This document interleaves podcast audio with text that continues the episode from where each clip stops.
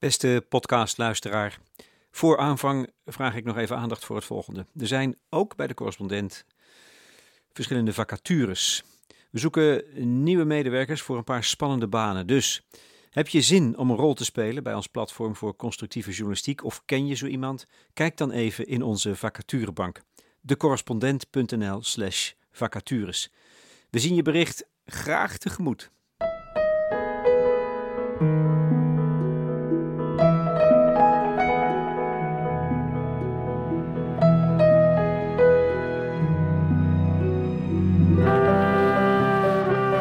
Goede gesprekken bij De Correspondent. Ditmaal met de social designers Jetske van Oosten en Tabo Goudzwaard over een kentering in de wereld van het design. Ja, het gaat echt helemaal die kant op van uh, het ontwerpen voor maatschappelijke opgaven. Dus je ziet uh, veel jonge mensen die van de, van de kunstacademie, designacademie of de TU komen, die, uh, die voelen zich geëngageerd maken. Die willen echt bijdragen aan een betere wereld. Er zijn ook nogal wat, uh, wat dingen die er spelen. Dus, maar dan gaat het echt over de grote maatschappelijke problematiek van vandaag de dag. Ja, nou, de, wat zien we allemaal in het nieuws? Gewoon, hè? de klimaatvraagstuk. We zien boeren.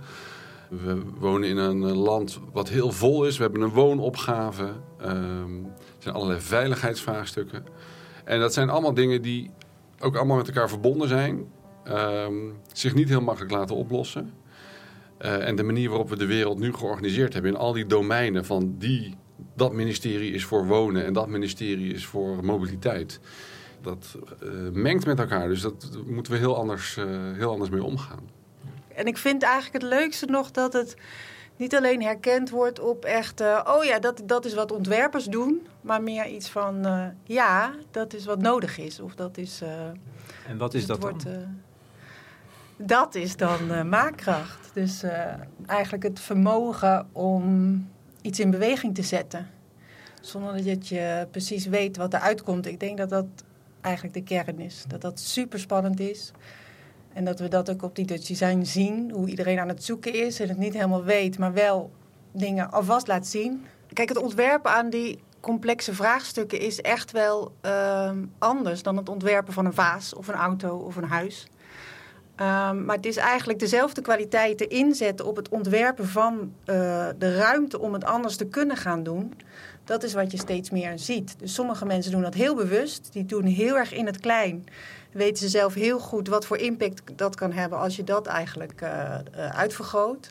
En anderen die, die doen het volgens mij wat minder bewust. Maar die zijn eigenlijk met hun... Nou ja, wij hebben dan vijf rollen uh, beschreven, die, die pakken eigenlijk één rol heel sterk. En die zijn daar eigenlijk een, een soort aanjager van binnenuit, zonder misschien helemaal te weten wie, wie daar in een andere rol uh, hun uh, ally in is. Ja, het is, het is ook niet zo dat de, de ontwerper nu in één keer vroeger een stoel of een lamp maakte en nu in één keer een oplossing voor een maatschappelijk vraagstuk bedenkt. want je kan het ook niet in je eentje hè, als ontwerper of als kunstenaar. maar het creëren, dus wat wij maakruimte noemen, het creëren van ruimte om met elkaar een verandering te kunnen bewerkstelligen, dat is eigenlijk waar het boek over gaat.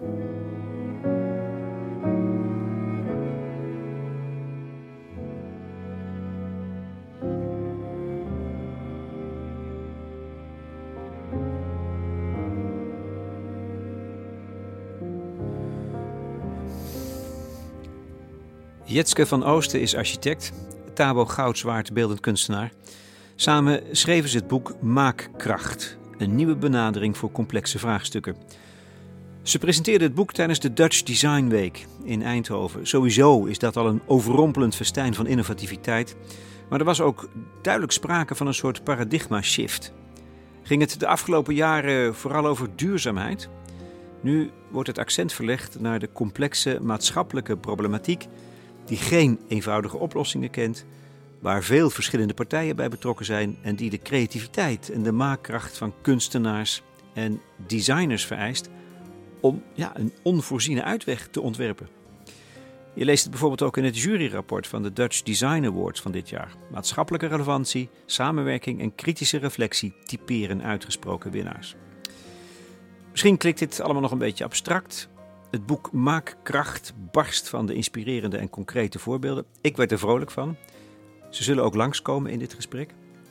Van Oosten en Goudzwaard zijn allebei lid van de Sociaal Creatieve Raad. Dat is een lobbyclub die deze ontwikkeling uh, stimuleert. En van makers en ontwerpers een soort derde macht willen maken. Ja, wij hebben op de maandag van de Dutch Design Week een fantastische eh, bijeenkomst gehad. Dat was het overkoepelende programma van World Design Embassies. Uh, geïnitieerd vanuit Dutch Design Foundation. Um, waarbij rond allerlei maatschappelijke thema's, uh, zeg maar systeempartijen en creatief professionals samenwerken aan de verandering. Uh, en in dat programma hebben wij, en dat zijn Jetske en ik samen met Floris Alkemade, de nieuwe visie van dat programma gepresenteerd. Het bestaat nu vijf jaar. Er zijn ontzettend veel maatschappelijke partijen die daaraan meewerken denken binnen het veiligheidsvraagstuk aan politie, openbaar ministerie, uh, reclassering. Maar bij voedsel uh, Albert Heijn, bij gezondheid allemaal gezondheidspartners. En Floris Alkemade schetste eigenlijk waar we stonden. En hij vertelde um, in deze tijd van grote maatschappelijke opgaven... komen we er niet meer mee door alleen te vertrouwen op de eerste macht geld en de tweede macht politiek. Er is echt een derde macht uh, ontwerp nodig. Uh, en ja, precies de, de, de uh, kwaliteiten, de vaardigheden, de manier van werken zoals makers, zoals we die kennen uit het ontwerp en de kunstdomein. Um, ja, die zijn eigenlijk nodig om om te gaan met de opgaven zoals die nu kenbaar zijn.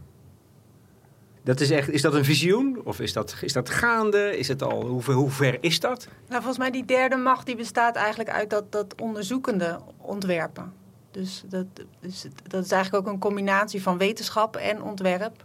En de wetenschap is volgens mij, ja, is, is natuurlijk niet nieuw, maar wel het, het, uh, het meer iteratief uitproberen, experimenteren, dat zie je wel groeien. En je ziet ook wel dat die wetenschap en uh, ontwerpend onderzoek daarin uh, naar elkaar toe bewegen. Of, of in ieder geval in, elkaar in toenemende mate interessant vinden. Juist omdat dat ontwerpend onderzoek ook heel veel tempo in zich heeft. En alles gaat nu wel ontzettend snel. Dus we moeten ook stappen nemen, al, al, al onderzoekende eigenlijk. Volgens mij heb ik dat onze uh, huidige minister Robert Dijkgraaf wel eens horen zeggen... dat de wetenschapper is een ontwerper geworden. Ja. Ook hij, ja. zij. Dus het is er al. Ja. het wordt al gezien, het wordt al herkend. En, uh, maar het is nog best hard werken om het vervolgens ook te gaan doen. Want het is ook alweer een hele, hele andere mentaliteit.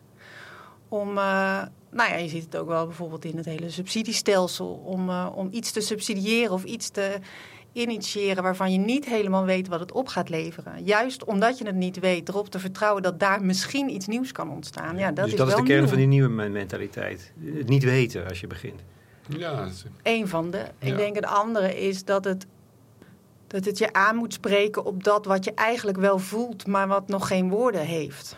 En ik denk dat we heel veel gebruik maken van nou, de, die controle of dat zeker weten is ook dat, dat sluit ook dingen buiten. En ik denk dat er steeds meer eigenlijk, uh, nou, misschien ook wel waarde of op ethisch niveau dingen gevoeld worden van ja, maar dit is niet waar ik, waar ik eigenlijk achter sta. En, en daar, ja, daar kan dat. Uh, die maar het is ook te begrijpen dat het altijd zo gegaan is. Hè? Dus het is natuurlijk fijn als je vooraf al weet wat voor resultaat je wilt bereiken. Want dan kan je controle houden, je kan uh, planning maken en budget in de gaten houden.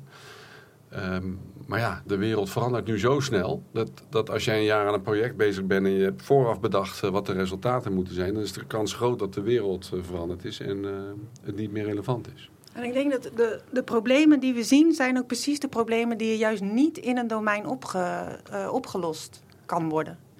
Dus dat je uh, op het moment dat organisaties moeten gaan uh, samenwerken, omdat ze zien dat iedereen voor zichzelf wel alle dingen goed doet en precies doet waarvoor die bestemd is. En tegelijkertijd zien we het aantal daklozen stijgen of zien we dat de zorg niet uitkomt, dan betekent het dat we op een andere manier eigenlijk moeten gaan samenwerken aan belangen die het organisatiebelang overstijgen. En precies daarvoor uh, kan je die ontwerpkracht inzetten. Omdat je juist een, een soort samenwerking moet ontwerpen die voorbij gaat aan, aan wat je misschien zelf wel heel goed geregeld hebt, maar wat tegelijkertijd ja, niet helemaal oplevert voor de maatschappij wat je uh, ja, voor ogen had. Letterlijk out of the box is dat, denk ik. De box is, ja, het is altijd zo'n fascinerend woord, het systeem. Hebben wij systemen nodig? Ja, we zijn dol op systemen. Ja, En, en waarom? Omdat het de wereld beheersbaar maakt. Je kan het geeft controle, het geeft eigenlijk macht. Je weet eigenlijk als je een systeem bouwt, wat je kan verwachten dat mensen zullen gaan doen of wat bepaalde ontwikkelingen zullen doen. En elke organisatie is ook een systeem. Hè? Elke organisatie is een systeem, de verkeersregels zijn een systeem, democratie is een systeem, rechtspraak is een systeem. En, ehm, en die systemen hebben we nodig, want we, we moeten met een hele grote groep mensen eh, in de complexe wereld functioneren. Dus we categoriseren de wereld, we hebben taal om dingen te duiden. Het, maakt het gewoon, het is gewoon nodig om te overleven. Eh, en we zijn er ook heel goed in. We kunnen ongelooflijk op heel hoog niveau, vind ik, met elkaar functioneren, omdat we het zo goed kunnen regelen. Ja, en tegelijkertijd zie je nu toch dat we ook steeds meer slachtoffer van de systemen worden. De- ja. Want- Want dat is eigenlijk mijn tweede vraag. En dan, eh, van daaruit kom je dan bij, bij jullie route, die van de maakkracht uit. Waarom keren systemen zich ook altijd tegen ons? Want dat is wat je ziet gebeuren, volgens mij. Waarom is dat?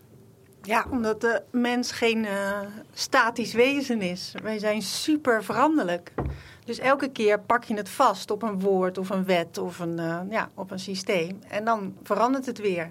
En dat is, als je het eenmaal hebt vastgepakt en gedacht hebt, ja, zo gaat het werken, is het heel moeilijk om daarna het weer ter discussie te stellen. Ja. Nou, het is iets wat me, wat me al jaren fascineert. En het is zo moeilijk om daar de vinger op te leggen. En jullie komen volgens mij in de buurt.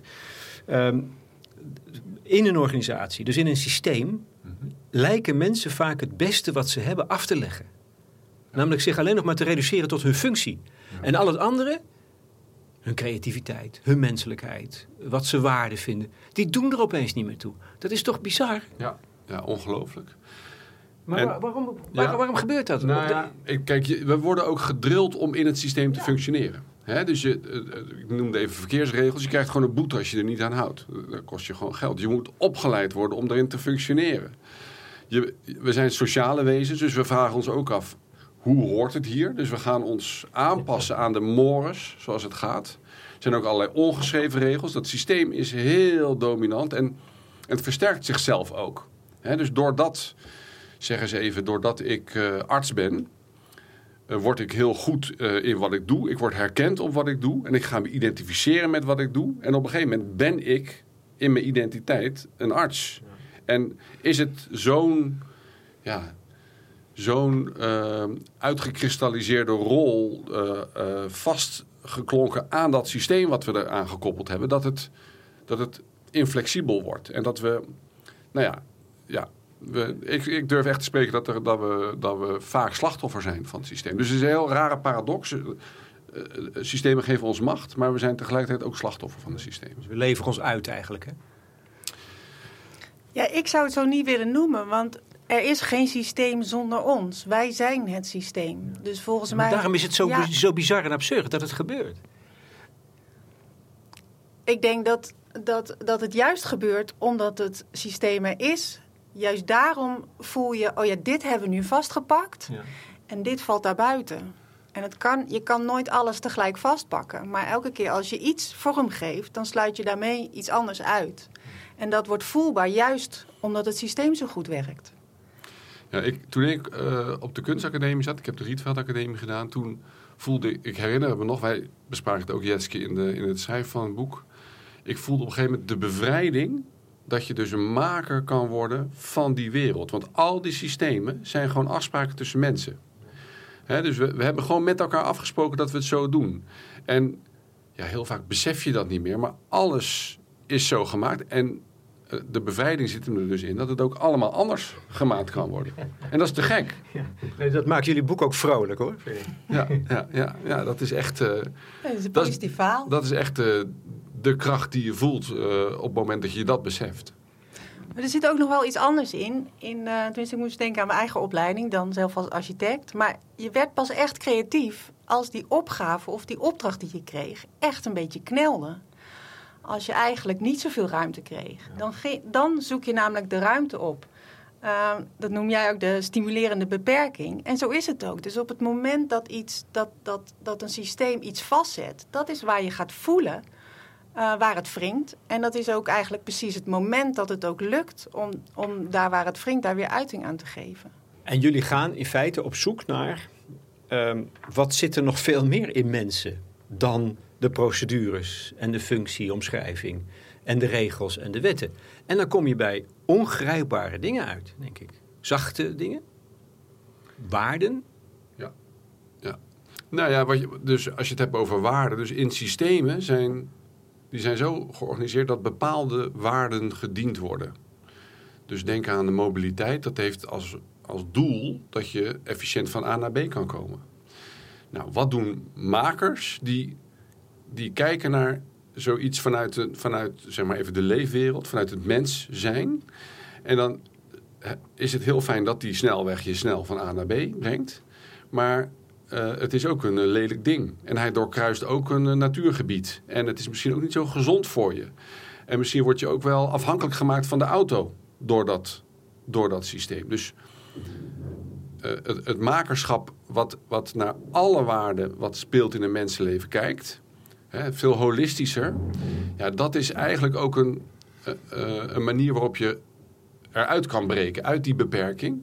En eigenlijk ook naar, naar nieuwe omgang ja, met het vraagstuk kan, kan kijken. Omdat het, omdat het breder getrokken wordt en, en alle waarden meetellen. Het zit, al, zit er allemaal al. Dat is denk ik ook wat het geval is. We sluiten het uit in ons systeemdenken. Maar het zit er allemaal, want we zijn mensen. Dus we hebben al die dingen. En jullie, wat ik het mooiste, de mooiste formulering vind, daar open je volgens mij mee, is dat je het vergelijkt met verliefdheid. Leg dat dan eens even uit. Nou, ik denk dat we, we zijn in ons persoonlijke leven, zijn we heel erg gewend om op te vertrouwen op ons ja, gevoel of intuïtie of uh, daar waar we voor staan. Dus niemand zou denken van, uh, dat je moet trouwen met degene met de meeste vinkjes op je voor- en op je lijstje. Zeven vinkjes? Ja, zeker niet. Niet doen. Nee, je, je, en ik heb het, ja, dus met trouwen, of ik heb het zelfs met het kopen van een huis. Sommige hele persoonlijke keuzes doe je puur op gevoel. En daar twijfel je niet aan. En het zijn ook vaak gewoon de beste keuzes. En, en het andere is wat het meegeeft, is dat het de onwijze drive in zit in dat gevoel. In die verliefdheid op, nou, ofwel uh, een man, een vrouw of een huis, hè, kan ook. Um, daar zit ook een soort, soort uh, ja, daar komt gewoon een heel enthousiasme uit vrij. En ik, ik vind het soms heel erg jammer dat je, we hebben eigenlijk best wel dezelfde gedrevenheid op, uh, op die maatschappelijke vraagstukken. Dus het gevoel van rechtvaardigheid of het gevoel van dat dingen eerlijk gedeeld moeten worden, is ontzettend sterk, gewoon omdat wij mens zijn. En maar, toch, dat, maar dat, precies dat krijgt geen ruimte binnen het systeem als je daar te veel aan uitlevert. Heel weinig. Heel, te weinig, vind ik. Ja. ja. ja. En dat is tragisch. Hè? Je, je, formuleert het op een andere manier niet. Het gaat niet om het goed doen, maar om het goede doen. Ja, dat laatste, dat legt het loodje, denk ik, standaard tegenwoordig. Want wij worden allemaal afgerekend op dat we het keurig doen volgens het protocol. Ja, ja en, en het, het ethische vermogen, hè, ja. dat herkennen we heel erg in makers. Hè? Dus die, die, die blijven echt bij hun, bij hun hart, dat wat ze belangrijk vinden. En ook tegen de stroom in. We herkennen het. Het is ook een beetje een, een, een, een beeld, denk ik, wat veel mensen hebben van een kunstenaar... Die, die gewoon tegen de stroom in zegt... ja, dit is niet goed hoe het gaat, dit is onrecht, ik kaart het aan. dus die, die agenderende kracht... Ja, dat is, dat is iets wat we veel meer mensen zouden gunnen. En wat ook gewoon gezond is in het blijven nadenken over hoe we functioneren. Dus ja, zoals jij net zei, onszelf uitleveren aan de systemen moeten we niet doen. We moeten de hele tijd ons blijven afvragen: zijn we hier nog steeds het goede aan het doen? Dat wat we ook in ons persoonlijke leven leidend maken. Um, we zijn het systeem, dus laten we ook blijven, actief blijven zoeken naar met elkaar het goede doen. Maar dat, dat, dat moet je in verzet komen, denk ik. Ja, dat hoort er absoluut bij. Ja, ja, jij zegt dat ethische zit heel erg in die ontwerpen. Ik denk dat, ik, dat, dat het begint bij dat die ontwerper dus inderdaad voelt het kan ook anders. Dus dat vertrouwen dat je het anders vorm kan geven, maakt het ook makkelijker om in verzet te komen. Dus ik denk dat, dat het boek ook bedoeld is om juist dat vertrouwen, wat wij heel erg zien in die kunst- en cultuursector, maar ook eigenlijk de hele samenleving toewensen, om daarover te schrijven. Om, om langzaamaan dat vertrouwen weer te bouwen. Dat je, uh, nou ja, en dat je het ook niet, dat je het ook samen doet. Hè? Dat, uh, dat, dat, dat, dat laten spreken van je hart. Dat hoef je ook niet helemaal in je eentje in verzet te komen. Je kan ook een eerste stap maken van... hé, hey, wat vind jij er nou eigenlijk van? En op die manier eigenlijk ja, aan iets groters werken, aan een grotere beweging.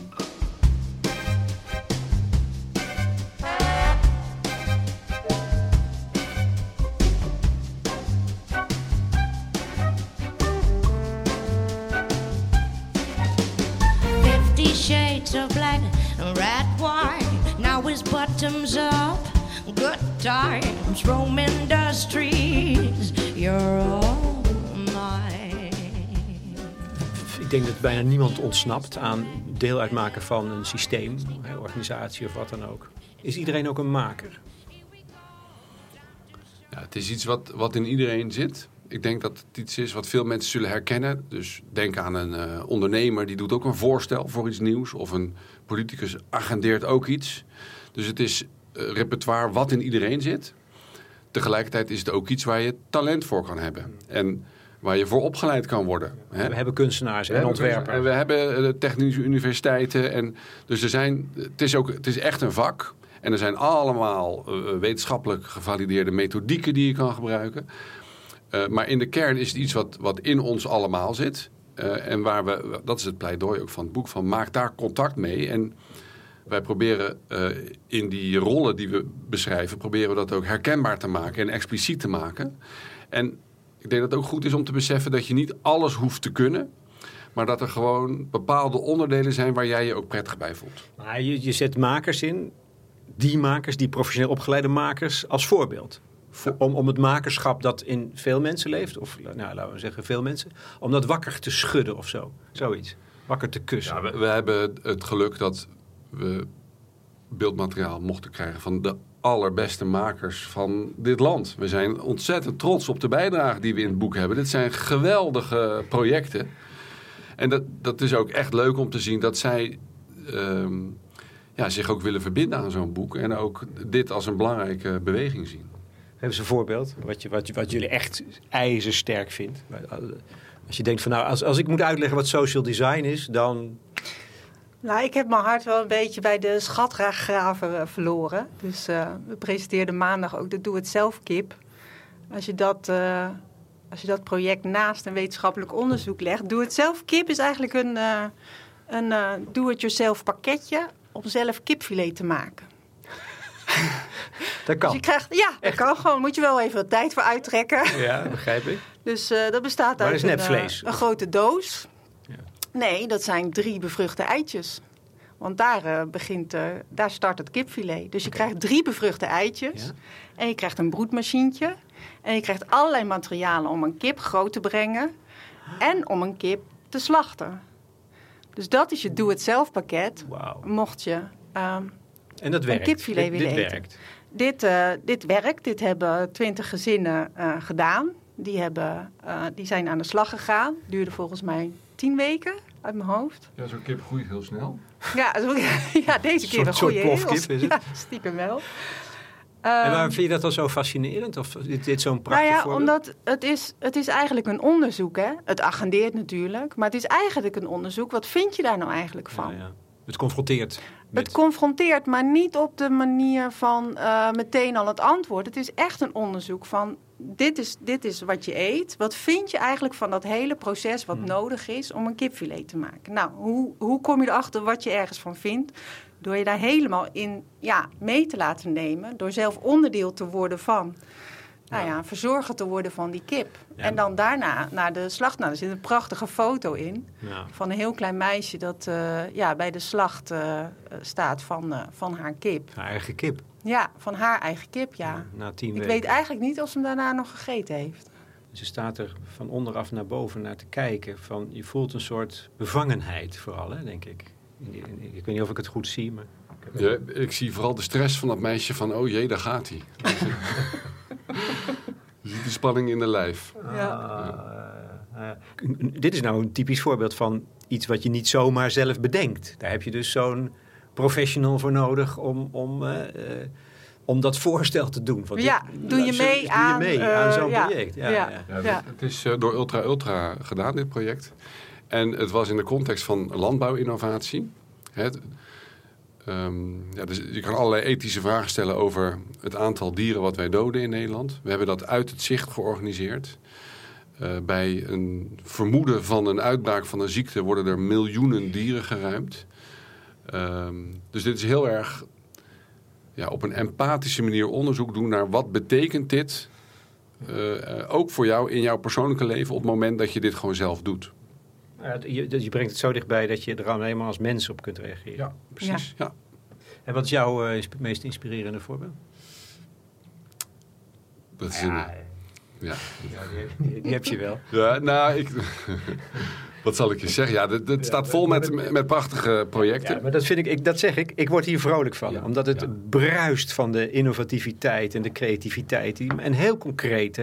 Ja, ja. Maar noem er eens eentje dan. ja ik, ik vind het heel moeilijk om te kiezen. Ehm, ehm, Maar van die vijf rollen, want jij zegt, Jetske, dat je, je, je voelt het meest verwant met de schatgraver. Ja. Daar komen we zo nog wel even op. Ja. Heb jij een eh, rol waar je... ja, dus we hebben, we hebben vijf stappen. Je, je agendeert iets, je doet onderzoek daarnaar, je doet een nieuw voorstel, vervolgens test je het en dan veranker je het. En dat zijn vijf stappen die we verbonden hebben aan rollen. En we hebben dus het agenderen gehad. Het schatgaven is het onderzoeken, wat Jetske net zei. En ja, in de stap van het doen van het voorstel gebeurt wel iets magisch. Dat is eigenlijk de creërende daad, zou je kunnen het zeggen. meest kunstenaar? Ja, dan is er iets wat, je, wat er nog niet was, wordt gecreëerd. En dat is typisch iets wat kunstenaars eh, en ontwerpers eh, typeert. Hè? Dus niet uitgaan van het bestaande, maar denken in het mogelijke. Dus wat als we dit doen? Ehm, nou, ik, ik, ik geef even een, ehm, een voorbeeld uit het veiligheidsdomein. Er is een heel mooi ehm, project geweest van het Openbaar Ministerie. eh, wat uitgewerkt is samen met het Roorda Reclamebureau. Wat was de, de situatie? In Nederland hebben we te maken met veel eh, ondermijnende criminaliteit, dus drugsgerelateerde eh, criminaliteit. Eh, waaronder de productie van ehm, eh, synthetische drugs. Dus er zijn laboratoria in schuren van boeren en in woonwijken. Nou, met alle risico's van dien en, en ellende eromheen. Ehm, een heel mooi ontwerp is ecstasy parfum. Vormgegeven als een prachtig eh, ehm, flesje met een, eh, eh, ja, eh, achter een ondergaande zon. alsof je in, naar een, een warenhuisreclame zit te kijken. Dior. Precies. En ehm, eh, wat voor geur zit daar nou in? Dat is de geur van een ecstasy laboratorium. Dat is een anijsachtige geur. Vaak produceren ze stankoverlast voor de omgeving. En dat is gewoon een manier om het te kunnen herkennen. Dus als jij in jouw wijk loopt en je ruikt een anijsachtige geur... en je herkent hem dus dankzij dit parfum... ja, dan ben je dus in, eh, word je in staat gesteld om de politie te kunnen waarschuwen. Ehm, en, en dat is het mooie. Hè? Dus het, dat is ook maakkracht. Dat je, je zegt niet alleen het moet anders. We moeten wat doen aan ondermijnende criminaliteit. Maar je laat ook zien hoe betrokkenen eh, zich kunnen gaan gedragen in relatie tot dat vraagstuk. Dus eh, je geeft als het ware handelingsperspectief voor alle betrokkenen. In dit geval is het voor de, voor de burger die het ruikt, eh, stelt het eh, je in staat om de politie te waarschuwen. De politie kan erop handhaven. Het Openbaar Ministerie kan hiermee eh, ook richting het publiek en, en richting pers. Dat was natuurlijk een mediageniek eh, project. Dus allemaal eh, meerwaarde en, en handelingsmogelijkheden voor alle betrokkenen. Ik denk dat we niet genoeg kunnen zeggen hoe belangrijk dat handelingsperspectief is. Omdat heel veel mensen, kijk, dat, dat die stap van dat voorstel, dat is natuurlijk precies wat je denkt bij een ontwerper. Die komt met een goed ontwerp. En dan zijn we er. Want zo moet het eruit zien. Zo, zo gaat de toekomst eruit zien. Opgelost. Ja. En ik denk juist bij die hele complexe vraagstukken, zo- zoals nou ja, ondermijning, sociale ongelijkheid, klimaatadaptatie. Ja, we weten best wel hoe we willen dat het eruit ziet, maar hoe komen we daar? Dus het, het, de combinatie van een beloftevol toekomstperspectief, steen ver vooruit, maar ook een soort eerste stap wat je kan doen om daar te komen, die, die combinatie, dat is ontzettend belangrijk. En wat mij betreft begint daar de reis pas. En dan komen we meteen bij de volgende rol, bij die van de verkenner. Want dan, het hele idee is dat je anderen meeneemt in dat voorstel. En dat mensen daar hun eigen rol in vinden en dat ook een beetje anders gaan doen dan je had gedacht. Ma- Mag ik iets zeggen over hoe je tot een voorstel komt? Want dat is... Ja, soms wordt er gedacht dat is een soort van... ehm, ik heb die, die kunstacademie gedaan. Daar werd de, het, het ego van de, van de kunstenaar en de, de genialiteit werd, werd ook een beetje in stand gehouden. Vooral origineel zijn. en iets zijn, doen wat nooit... Ja, Ja, ja. Dus dat is eigenlijk een beetje het 20e eeuwse beeld wat we van de kunsten hebben. Ehm, maar eigenlijk tot een, tot een voorstel komen hebben we geprobeerd te beschrijven in dit boek. Eh, het agenderen is, vaak, is gebeurd al vaker. We hebben gewoon problemen. Je wil daar wat aan doen en dan doe je dat schatgaversonderzoek. En dan vind je, kijkend naar het hele menselijke leven, wat voor waarden spelen hier en wat voor nieuwe waarden kunnen we leidend maken in de omgang met het vraagstuk.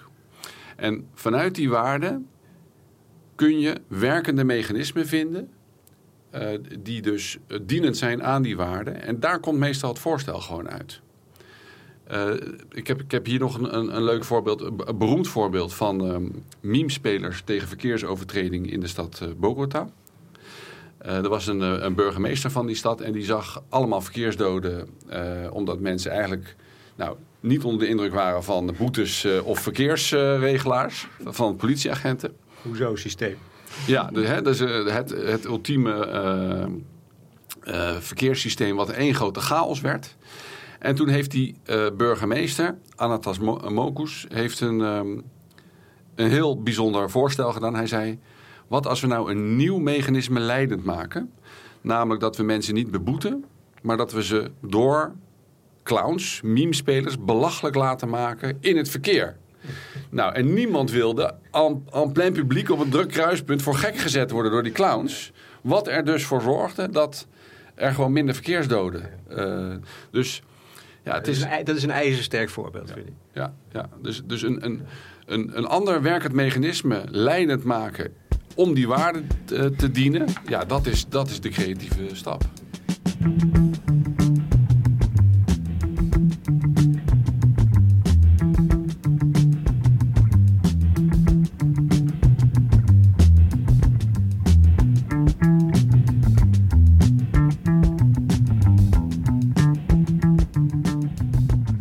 Voor jullie is het, is het eh, eh, met speelsgemak wandel je door het hele proces heen. Maar als het allemaal nieuw is, is het misschien toch goed om nog even, even per stap het door te nemen en een aantal dingen daarvan te benoemen. Om het nog helderder te maken. En het begint namelijk bij, ja, je noemt het agenderen, daar hebben we het natuurlijk over gehad. De rol benoem je als de waakhond. Wat, wat is als, binnen dit perspectief hè, van social design en maakkracht, is dat dan zoveel anders dan de, klokken, de rol van de klokkenluider? De waakhond heeft natuurlijk de rol om zijn stem te laten horen. Dat is een rol van een klokkenluider. Maar Iets de- klopt niet in de organisatie niet. of niet meer in, we, zijn, we je doen niet meer waar we voor al, in het leven Je zijn. ziet het misschien nog niet, maar je weet het eigenlijk wel. Iets klopt niet. Ja. En de waakhond die heeft dat misschien wel als eerste door. Maar die heeft ook een bepaald repertoire om daar vervolgens eh, iets mee te doen. En dat is natuurlijk veel breder dan, dan nou ja, wat wij bij klokkenluiders Ja, in ons hoofd hebben. Is namelijk gewoon er iets van zeggen. Maar die komen namelijk ook altijd in de defensief. Die komt als een boemerang, kom- komt er terug. Is dat dan bij jullie waakhond niet zo? Nou, er zijn wel wat eh, mogelijkheden om, eh, om je verhaal eh, wat kracht bij te zetten. En dat is bijvoorbeeld gebruik te Noem- maken noem van beeld. Ja, nou ja precies. Want dat, dat is, dan heeft het dus een andere werking, denk ik. Nou ja, dan komt het veel dichterbij. Dan wordt het veel overtuigend. Dit is niet mijn verhaal tegen jouw verhaal. Maar dit is gewoon wat we allemaal kunnen zien. Ander voorbeeld is eigenlijk de, de parodie. Zit ook een beetje in dat meme spelen. Hè? Maar dat hele eh, op een speelse manier iets aan de kaart brengen... kan soms ook ontzettend eh, agenderend werk. Nou ja, je ziet het eigenlijk in comedy ook al. Hoe daar hele ingewikkelde ehm, problemen soms besproken kunnen worden. Ja. Show, don't tell is een ijzersterke wet. In de kunst eigenlijk. Ik vind een prachtig voorbeeld servies. Ja, Servies is een heel mooi eh, project. Is eigenlijk een hele beweging. is ontstaan vanuit het Stadslab Luchtkwaliteit. Dus die zijn begonnen eh, met Wal in Rotterdam. Een van de meest vervuilde straten in Nederland.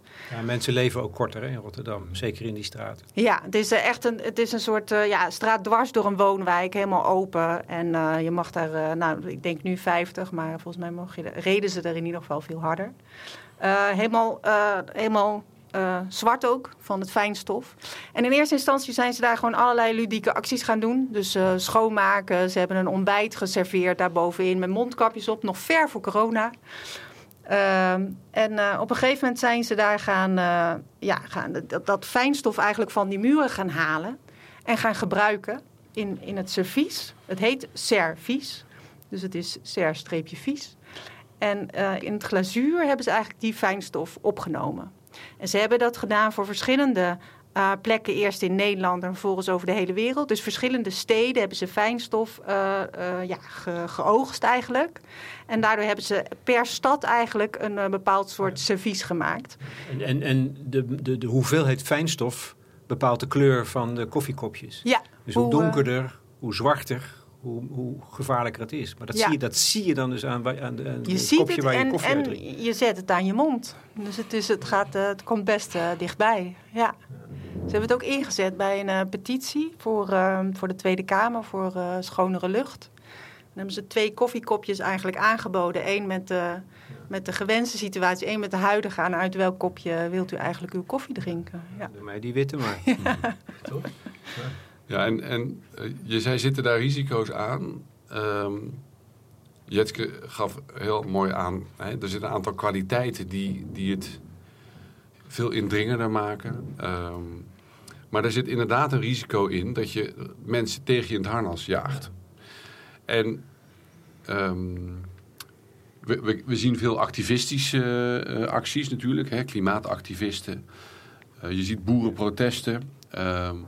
Nou ja, precies. De, de klimaatactivisten die nu eh, kunstwerken Ja. eh, besmeuren en Ja. eh, de- zich eraan vastplakken. ja, zeker. Maar dat, dat reken jij eronder? Nee, ja, kijk, wat ik wil zeggen is dat er zit een kwaliteit in het agenderen. Maar er is ook een, een tegenreactie dat mensen zich daardoor aangevallen voelen. Van, dit is niet gepast of je verwijt iets waar, waar ik me niet, wat, wat ik nooit zo bedoeld heb. Of, dus je, je, je, op het moment dat je dat als een zeg maar, zero-sum game ziet, dus jouw belang tegen het mijne, dan is het een, een rechte lijn waarbij de winst voor de een verlies voor de ander betekent. Dat is wel echt een risico en eh, daarom hebben we die vervolgstappen ook. Want eh, wat wij zeggen is, je, je bent misschien onderdeel van het probleem. Jij zit in het systeem. Jij gedraagt je op een dusdanige manier dat, het, eh, dat er allerlei onrecht gedaan wordt. Maar ondanks dat je onderdeel van het probleem bent, kan je ook onderdeel van de oplossing worden. Dus da- daar zijn die vervolgstappen ook voor. Eh, en dat is altijd goed om te vertellen dat er wel een, eh, ja, wel een soort eh, way out is. Dat je ook niet alleen maar van het bestaande uit hoeft te gaan, maar dat je ook door empathisch onderzoek te doen en een heel nieuw voorstel kan doen, ja, kom je eigenlijk uit die tegengesteldheid en kan je samen die nieuwe toekomst gaan ontdekken en dan ga je samenwerken. Oh, dus dit is niet voor bange mensen. Als het gaat over makerschap, eh, wat, wat bepaalt makerschap en makers, is gewoon echt lef hebben. ja, daar heb je wel lef voor nodig. Ja. Heeft ook niet iedereen, denk ik. Heeft misschien niet iedereen, maar je kan het wel, wat, je kan het wel aanwakkeren in jezelf, hè? En eh, ik, denk, eh, nou, ik denk een belangrijke rol voor kunstenaars en ontwerpers is om eh, het voor te leven, te doen. En, en aan te wakkeren. dus, Ja, en aan te wakkeren. En, en dat aanwakkeren is eigenlijk precies wat Tabo net beschrijft. Want het gaat niet om eh, een, ehm, iets te agenderen. eh, om jezelf tegenover de ander te zetten. Maar het gaat om iets te agenderen. hey, hebben we dit misschien allebei gemist?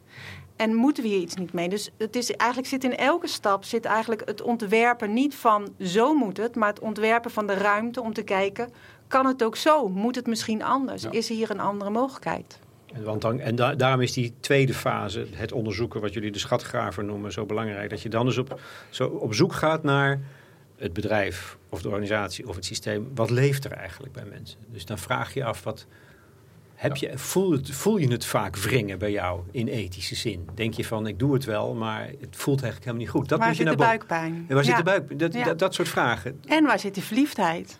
Want dan is het, Ja, ja. eigenlijk is het, is het ook dat. Daar zit natuurlijk ook de kracht om eh, in beweging te durven komen. Om dat lef ook los te krijgen. Maar dat gaat natuurlijk dwars in tegen het belangen van een organisatie. Hè? Naar dat soort waarden vragen, naar dat soort gevoelens, dat soort beleving. Ja, het moet een resultaat halen. maar de organisatie bestaat uit mensen. Dus de organisatie is het middel en de mens is het doel. En misschien hebben we dat af en toe een beetje omgedraaid. Dan zijn we dat vergeten. Ja, en het is ook, dat wordt wel herkend als typisch een ontwerpinstrument, de, de, de klantreis, de customer journey. Dus je kijkt echt van, oké, we hebben het systeem opgetuigd, vaak hoog over, eh, maar in het dagelijkse omgaan met het systeem. Wat ervaar je dan? Wat beleef je dan? Ja, dan zie je natuurlijk soms echt verschrikkelijke eh, dingen die gewoon... ik, ik moet even aan de, aan de toeslagenaffaire denken. Het is allemaal bedoeld om op een verantwoorde manier met ons belastinggeld om te gaan en dat eerlijk te verdelen. Ja, en in de feitelijke uitvoering was er voor eh, de gedupeerden van de kinderopvangtoeslag was er geen eens mogelijkheid om het aan te vechten. Dat was natuurlijk ja, echt afschuwelijk. Maar ook voor de mensen die die, die procedures uitvoerden, geldt hetzelfde waarschijnlijk. En dat is misschien nog wel belangrijker. Zeker. Ja, en die waren ook niet in staat, hè, hadden niet de kans of het vermogen om het aan te kaarten en het, niet-pluisgevoel wat zij ook ervaarden, gewoon kenbaar te maken en te laten leiden tot een aanpassing van het systeem. Ik vind een mooi voorbeeld de mantelzorgsimulator. Hè, dit is dan een ander domein, de zorg. Maar dat, dat is precies wat zo, dit soort, die, die, die wat ongrijpbare smeerolie van het handelen ehm, helder maakt, toch? Wat dat andere perspectief eigenlijk ja, beleefbaar maakt. Het is een, eh, een box, bijna een kamer waar je in kan stappen. Eh, is gemaakt door muses. En, eh, en het is eigenlijk een hele beleving om, om mee te maken wat je als iemand die dement is, wat die voelt, wat die ervaart. Ehm, en dat, dat, ja, dat levert eigenlijk dat perspectief heel veel inzicht op, maar ook vanuit het perspectief van de, van de mantelzorger. Om te zien hoe dan eigenlijk die interactie ook verloopt. Oh, darling,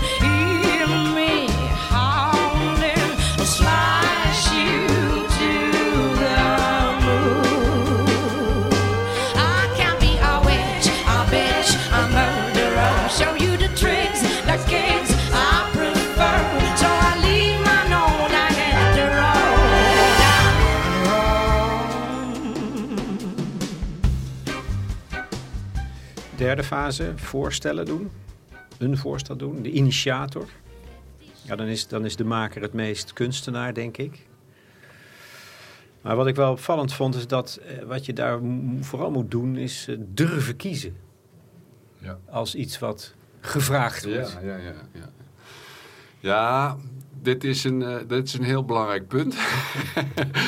Ehm, zal ik maar even zeggen, blauwe, analytisch georiënteerde mensen... die proberen op het moment dat ze met een vraagstuk om willen gaan... eigenlijk het hele veld in kaart te brengen. Dus het, het is ehm, ja, alles analyseren. Hebben we op een gegeven moment hebben we genoeg mensen gesproken om een totaalbeeld te krijgen? Het is eigenlijk nooit genoeg, zeker bij die hele ingewikkelde genetwerkte vragen. Ehm, en de neiging om daar dan een soort van conclusie uit te kunnen trekken als je alles in kaart gebracht hebt, ja, dat is, dat is echt ondoenlijk. Ehm, ehm, dus de kwaliteit van een maker kenmerkt zich ook door eigenlijk een, een emotionele persoonlijke verbinding met het vraagstuk aan te gaan. En te zeggen, dit aspect wat ik gezien heb in die schatgaversfase, dat raakt mij echt. En ik voel dat daar iets zit en daar wil ik mee aan de slag. En het is ook het vertrouwen dat als je daarmee gaat werken, dat je eigenlijk een hele andere omgang initieert en voorstelt. En dat op basis daarvan ook, ja, omdat het een genetwerkt vraagstuk is, ook alle, allerlei andere dingen daarin mee zullen gaan bewegen. Dus het, durven kiezen, het doen van die subjectieve stap van ik, ik durf te kiezen en ik, ik kies ervoor om daar mijn voorstel op te baseren, dat is typische makers, eh, maakkracht. En dan heb je dus, dan, dat, dat, dus engagement is eigenlijk een voorwaarde, ook voor degene die dan dat voorstel gaat doen. En, ik, en, en, en, het, en het vertellen van het goede verhaal, hè, dat is dan ook belangrijk. Ja, ik ben nog een beetje achtergebleven. Van ik denk elke keer, het is ontzettend spannend eigenlijk. Dat je aan de ene kant moet je helemaal je eigen fascinatie, eh, de keuze maken, iets overbrengen. En tegelijkertijd moet je, eh, moet je de openheid houden. Eh, de dialoog eh, open houden. eh, het niet vastzetten met die keuze. En ik denk dat dat het meest spannende is in dat, dat hele veld van kunstenaars en ontwerpers, dat op het moment dat die keuze genomen wordt, is het ook maar weer een tijdelijke keuze. Het is iets waar je vol voor gaat, wetende dat het ook weer anders kan. En dat is natuurlijk iets wat.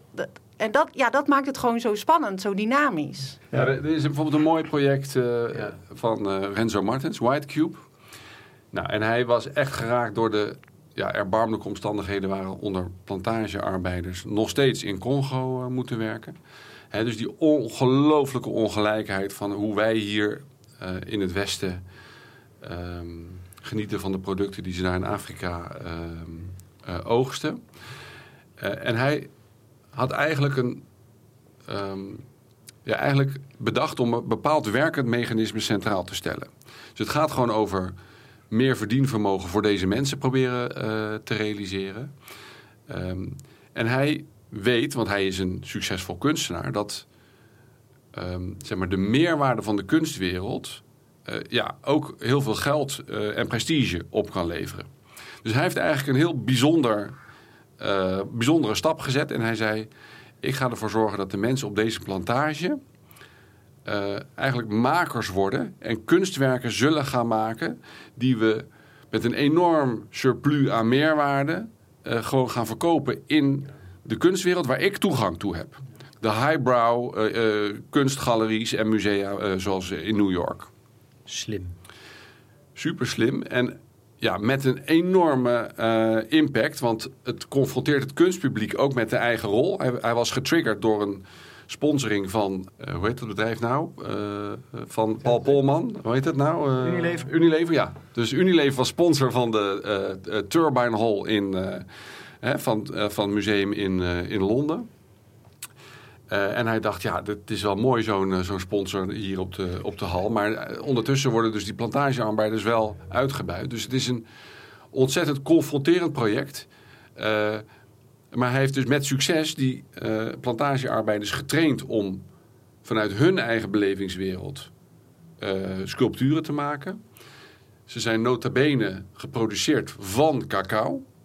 Dus ze zijn eh, ook nog gerealiseerd van het materiaal eh, waarmee deze mensen uitgebuit worden. En het geld wat hij daarmee verdiende is, eh, is teruggegaan naar de plantagearbeiders. Zodat zij de grond konden kopen. en ze eigenlijk ja, een, een duurzamer verdienmodel konden opbouwen.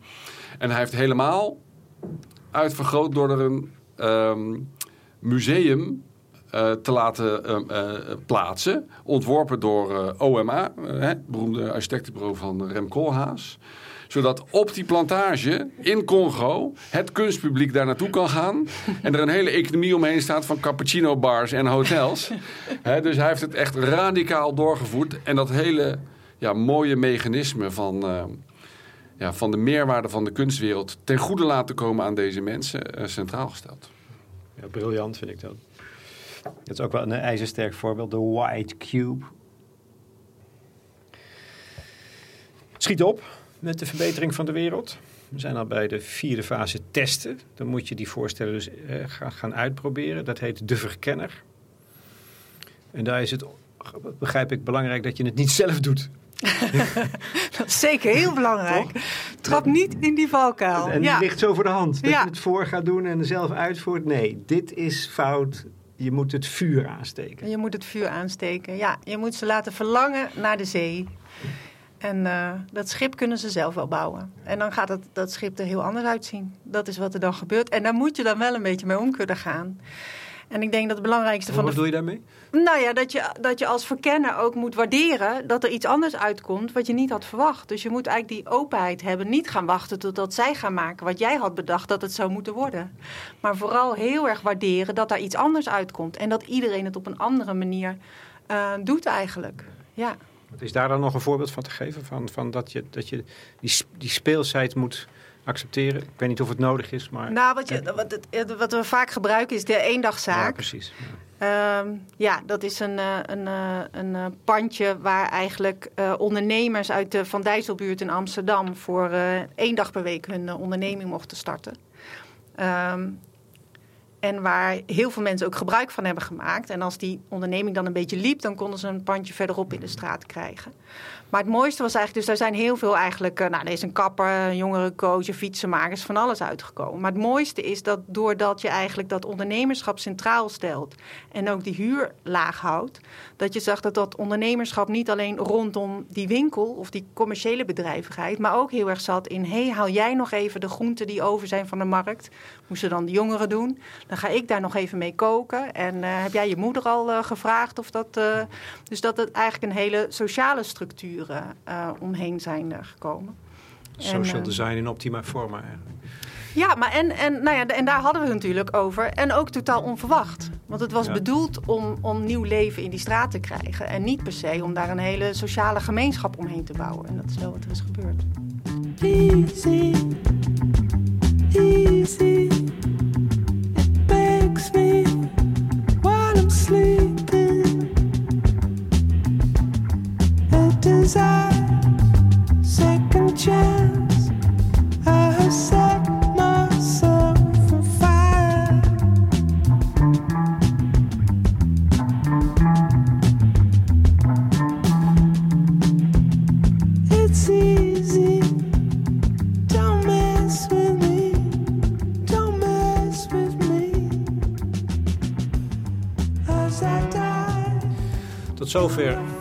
Jetske van Oosten en Tabo Goudswaard. Gaat het allemaal puik?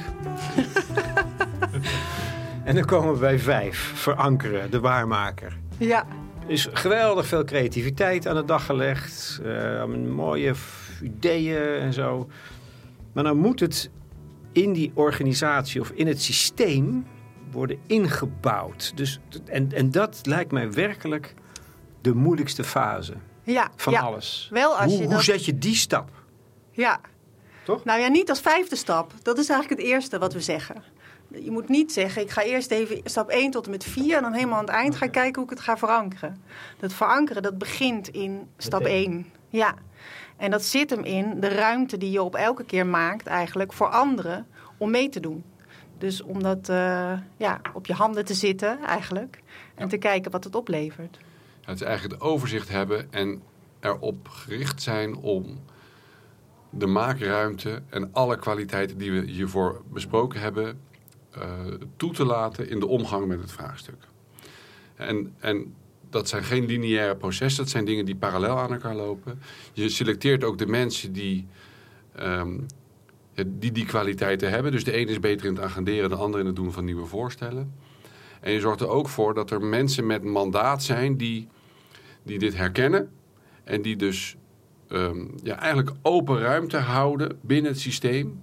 eh, om op deze manier met het vraagstuk om te kunnen gaan. En, en vragen te blijven stellen en te kunnen veranderen.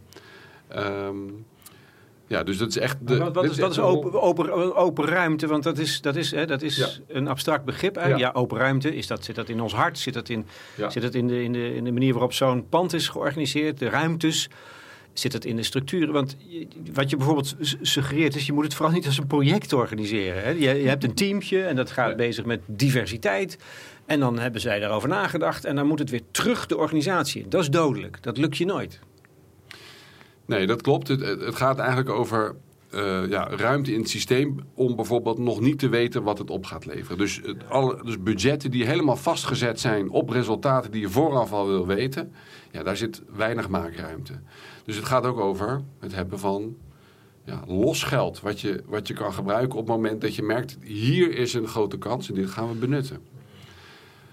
We hebben ook een aantal, eh, we hebben ook een definitie opgenomen in het boek. We hebben allerlei nieuwe woorden natuurlijk en maakruimte is daar eentje van. En daar hebben we eigenlijk drie niveaus in beschreven. Ten eerste gaat het om die ruimte zoeken in die systemen. Hoe, waar zit de ruimte waar je kan beginnen om het anders te doen? Gewoon in, in hoe we dingen georganiseerd hebben. En het tweede is de ruimte voelen in jezelf. Waar zit, waar zit je lef? Waar zit je moed om het anders te doen? En die derde is eigenlijk super praktisch. De maakruimte, de plek. Wat verbindt ons? Maar ik denk wel dat die heel erg belangrijk is. Want dat zegt eigenlijk... eh, het helpt bijvoorbeeld... De waarmaker maakt ook eh, een... eh, een ehm, eigenlijk een context... waarin dat wat iedereen doet van betekenis is. En als jij gaat voelen dat wat jij doet van betekenis is voor dat grotere geheel. en gaat herkennen dat jij daar niet de enige in bent. dan wordt het een beweging. En ik denk dat het allerbelangrijkste wat, wat die waarmaker. ehm, en waarom het geen project is, maar eigenlijk een beweging. dat hij elke keer doorheeft: ik ben eigenlijk ruimte aan het maken voor mensen. Ik ben niet ruimte aan het maken voor een oplossing, maar ik ben ruimte aan het maken voor mensen om vanuit het lef om het anders te doen, het ook anders voor elkaar te krijgen. Ja, het systeem ben je zelf. Dus het vergroot echt het eigenaarschap. Je bent gericht op het eigenaarschap bij die andere omgang bij iedereen te vergroten. We begonnen het gesprek met eh, de Dutch Design Week. En wij hebben als een van de waarmakers hebben de World Design Embassies genoemd. En dat is omdat eens per jaar komen daar eigenlijk coalities van partijen, dus op gezondheid, op veiligheid, op, op mobiliteit.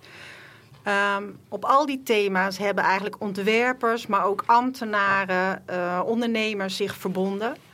Om, om daar eigenlijk een, een, een narratief of een, hun volgende stap jaarlijks neer te leggen. Dus waar staan ze op het gebied van al die opgaves?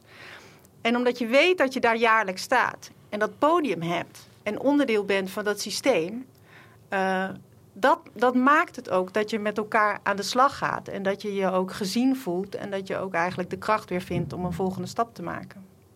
Een van de voorbeelden die jullie in het boek nog noemen, trouwens afgezien van deze MSC's, is het bouwdepot. Dat vond ik ook wel heel inspirerend. Heel eenvoudig misschien. Nog, of niet? Ja, zeker. Dit is eigenlijk een ehm, ja, heel spannend project waarbij ehm, er een initiatief is wat het vertrouwen geeft aan jongeren die, die dak- en thuisloos zijn. Om, om de rust te krijgen. Dus ze krijgen financieel budget. Zonder dat er iets tegenover hoeft te staan. Om eigenlijk even de rust te creëren om uit de problemen te komen. Vaak is het juist het gevangen zitten in alle schulden, schuldeisers, problemen. Wat ervoor zorgt dat je niet goed meer functioneert, niet goed meer kan nadenken en eigenlijk jezelf niet meer eh, nou ja, aan je haren omhoog uit, uit het moeras eh, trekken. Door dus even een context te creëren en echt als werkend mechanisme het vertrouwen in de jongeren leidend te maken. Dus je geeft als het ware een soort van gratis geld. Ehm, wat natuurlijk ja, tot veel eh, eh, opgetrokken wenkbrauwen leidt eh, in, in de overheid. Maar precies dat, vertrouwen, zorgt er dus voor dat jongeren rust hebben aan hun zelfvertrouwen en hun eigen eh, ontwikkeling, zoals opleiding kunnen werken. Waardoor ze dus uit de problemen komen en waarbij je eh, onderaan de streep, als je ook gewoon alle kosten eh, die je moet maken om deze jongeren te ondersteunen meerekent, gewoon veel goedkoper uit bent ook. En dan gaat iedereen mee in die manier van omgang met dakloosheid. Toch? Nou, jij zegt, oh, jij zegt een simpel project, maar dit is ontzettend. Er is heel veel weerstand Ja. van de landelijke politiek geweest eh hiertegen. Want dit gaat natuurlijk uiteindelijk ook over basisinkomen. En, eh, Stiekem. ja, dat noemen we het bouwdepot. Ja. Maar ik denk, ja, Renate Richters is daar als wethouder echt voor gaan staan om dat lokaal wel voor elkaar te krijgen. Nou, dat is echt een waarmaker die die ruimte heeft gegeven. eh, waardoor het weer eh, eh, doorontwikkeld kon worden en nu op veel meer plekken is. Maar dat is zeker geen eh, makkelijke weg geweest. Er is heel veel moed voor nodig geweest, ja. Ja, het zijn dus allemaal. Het, het, het, gaat over het zichtbaar maken van potentie die anders buiten beeld blijft. Ja, In algemene zin, denk ik. Hè? ja dat is het. Het hele boek is, eh, is er een eh, uiting van. Ja, we, hebben- we hebben dit repertoire gewoon nodig. Het is zo zonde dat dit, dit zit in ieder van ons. We kunnen het gewoon gebruiken. Eh, dus het is echt een pleidooi om meer als makers eh, eh, te werken aan de maatschappelijke opgave van nu. Ik zou zeggen, ik verwelkom de derde macht. Ja, daar gaan we. Jetske van Oosten en Tabo Goudzwaard, ik dank jullie wel. Dankjewel. Jij heel erg bedankt.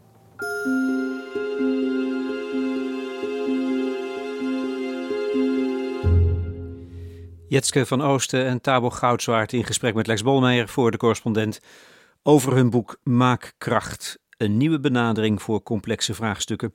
Het is uitgebracht door Business Contact. Het roept ongetwijfeld vragen op of commentaar. Of andere inspirerende voorbeelden, ook leuk. Ons platform staat open voor discussie. Ik zeg erbij dat dit deel van de correspondent alleen toegankelijk is voor leden. Maar je bent al lid voor negentientjes per jaar. waar je dan dus een jaar lang kwaliteitsjournalistiek voor krijgt voorbij de waan van de dag. Voor de muziek gebruikte ik twee favoriete liedjes van Tabo en Jetske. Zij houdt van Kovacs, Fifty Shades of Black met het Metropoolorkest, vond ik wel weer leuk. Hij houdt van The Smile, nieuwe versie van Radiohead met The Smoke.